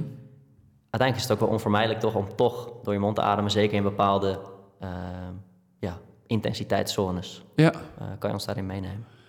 Ja, in principe is in mijn ogen neusademhaling de basis.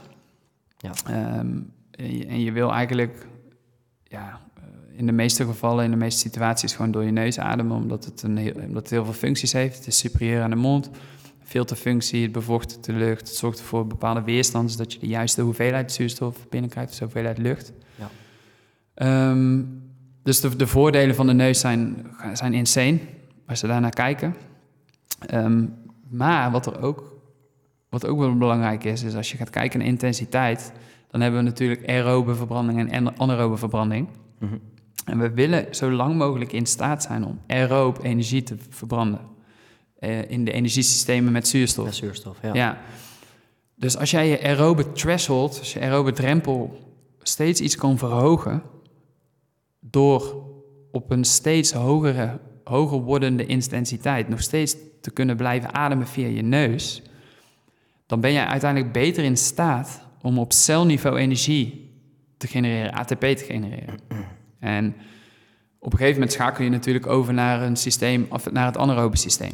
Maar de, er is laatst een, on- ik heb laatst een onderzoek gelezen en daar hadden ze wel eh, professionele, professionele atleten ge- gepakt. Het was wel was geen hele voetbalwedstrijd, maar was een kortdurende workout van, ik dacht, 10 minuten, moet ik niet liegen. Oké. En in die 10 minuten lieten ze die spelers steeds eh, de in- gewoon echt on- onder een hoge intensiteit trainen. En die atleten konden tot 90% van hun hartslag ehm, door hun neus blijven ademen. In door hun neus. Kijk, er zit natuurlijk ook nog een verschil tussen volledig door je neus Ja, of in, door je neus en uit door je mond. Kijk, je hebt verschillende training, verschillende eh, ins- intensiteit zones, wat je net al aangeeft. De, de eerste is neu, volledige neusademhaling. Dan zit je ergens rond de 50, 60 procent van je maximale hartslag. Ja, in uit door je neus. Ja, volledige neusademhaling en dat, dat gaat ook heel makkelijk. Ja. Nou, als je dan een, een zone hoger gaat, gaat je hartslag richting eh 65, 70 procent. Misschien iets hoger, 75 procent.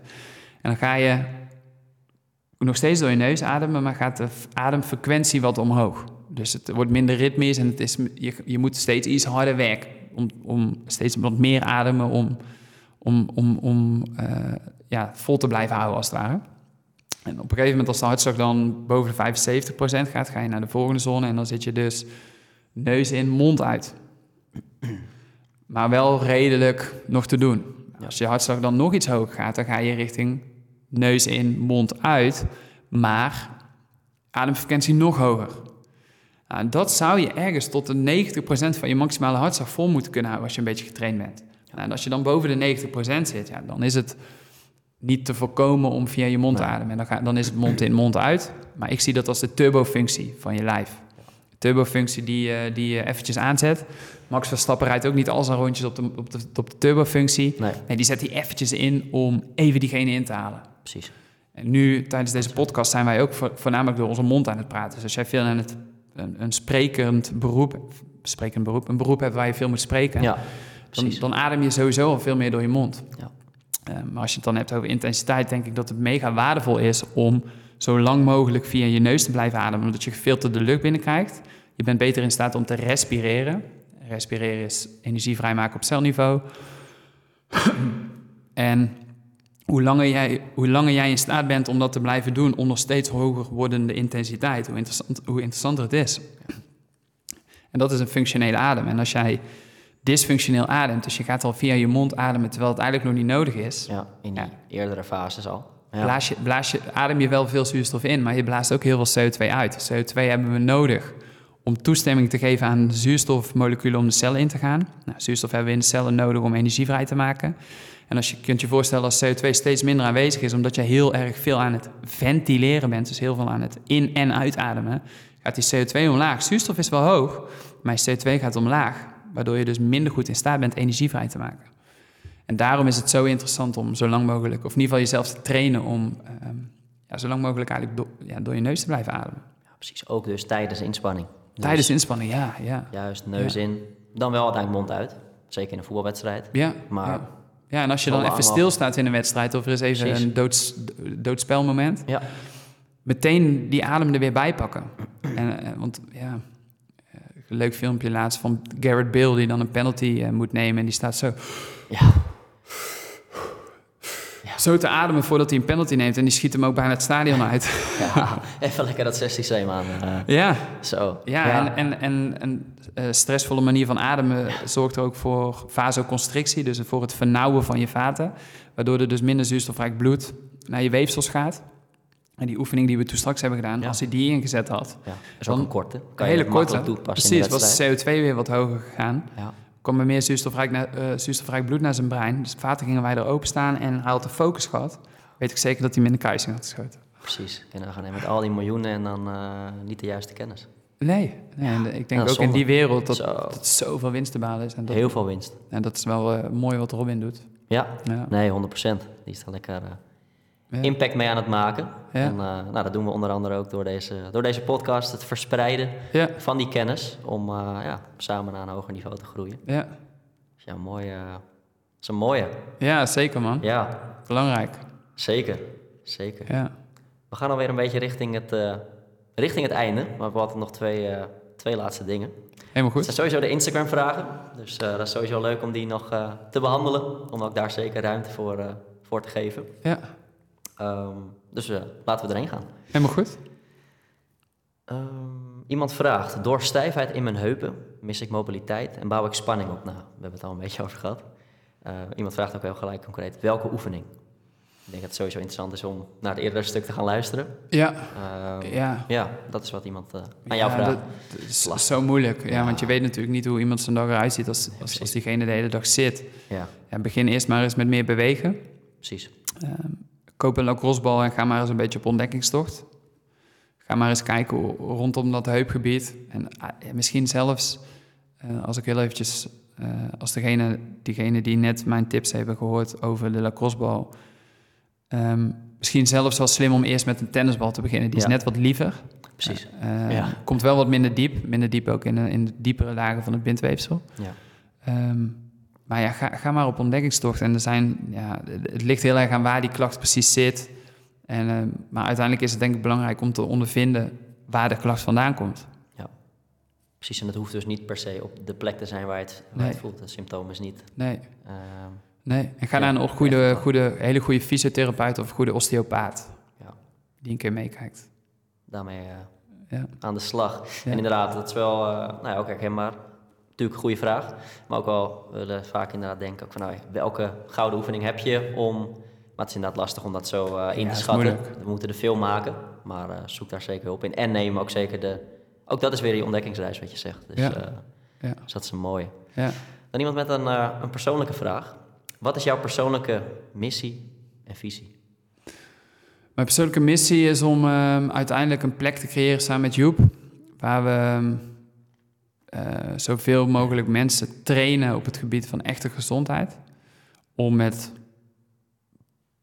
bomvol, ja, met, met mega veel energie door het leven te gaan. En ze de tools aan te leren waar ze de rest van hun leven iets aan hebben.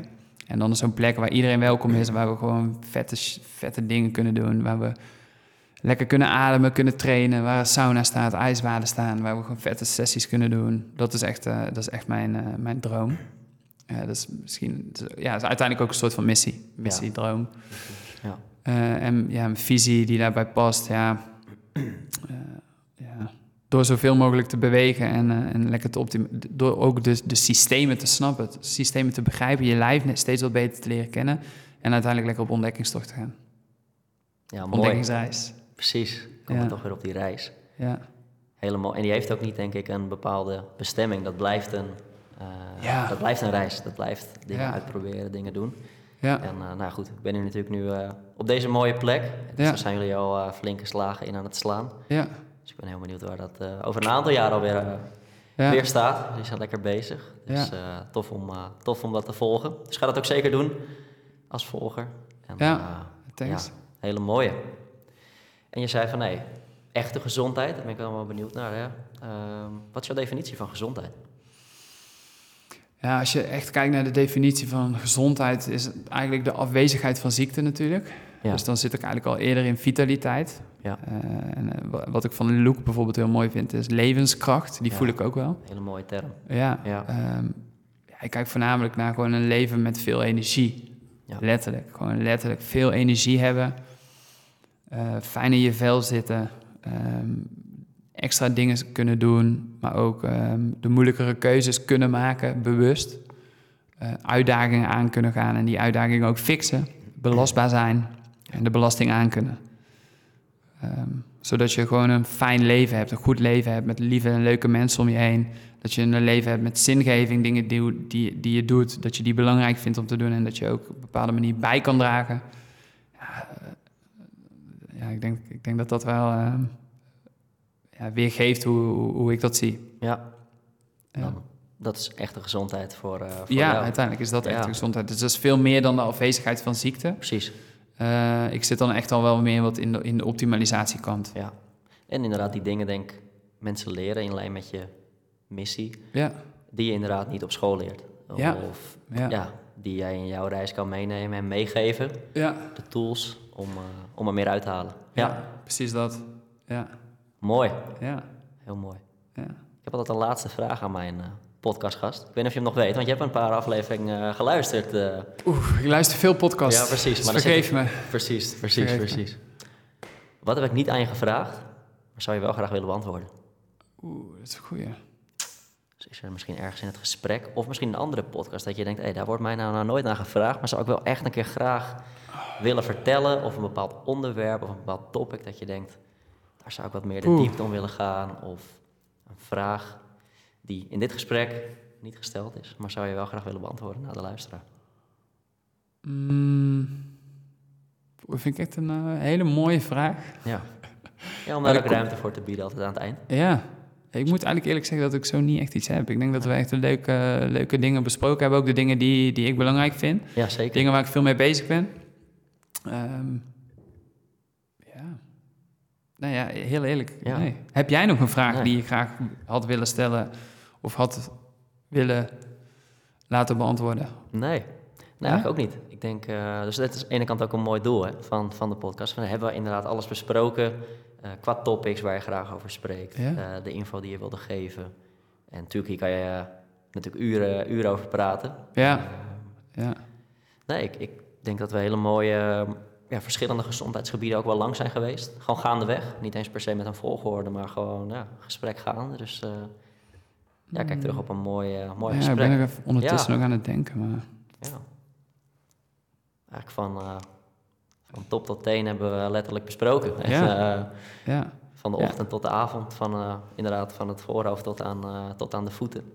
Ja, ik hoop dat ze er iets mee kunnen. Ik Ja, hoop dat het een beetje, een beetje te volgen was en dat er wat, eh, wat leuke praktische dingetjes voorbij zijn gekomen waar, waar iemand mee aan de slag kan. Ja. 100%. Dus eh, Thanks man voor het leuke gesprek. ja, zeker. Ik Kijk ook zeker eh, heel positief op terug. Mooi gesprek. Dus ga er als luisteraar mee, mee aan de slag. Jullie heel veel succes met, met de mooie missie. Ja, thanks. Jij ook met de mooie dingen die jij aan het doen bent. Man. Ja, dankjewel. Gaaf. Tof. Dankjewel. Graag gedaan man. Dankjewel. En jij als luisteraar, vergeet je uiteraard niet te abonneren. En dan zie ik jullie heel graag terug in de volgende aflevering.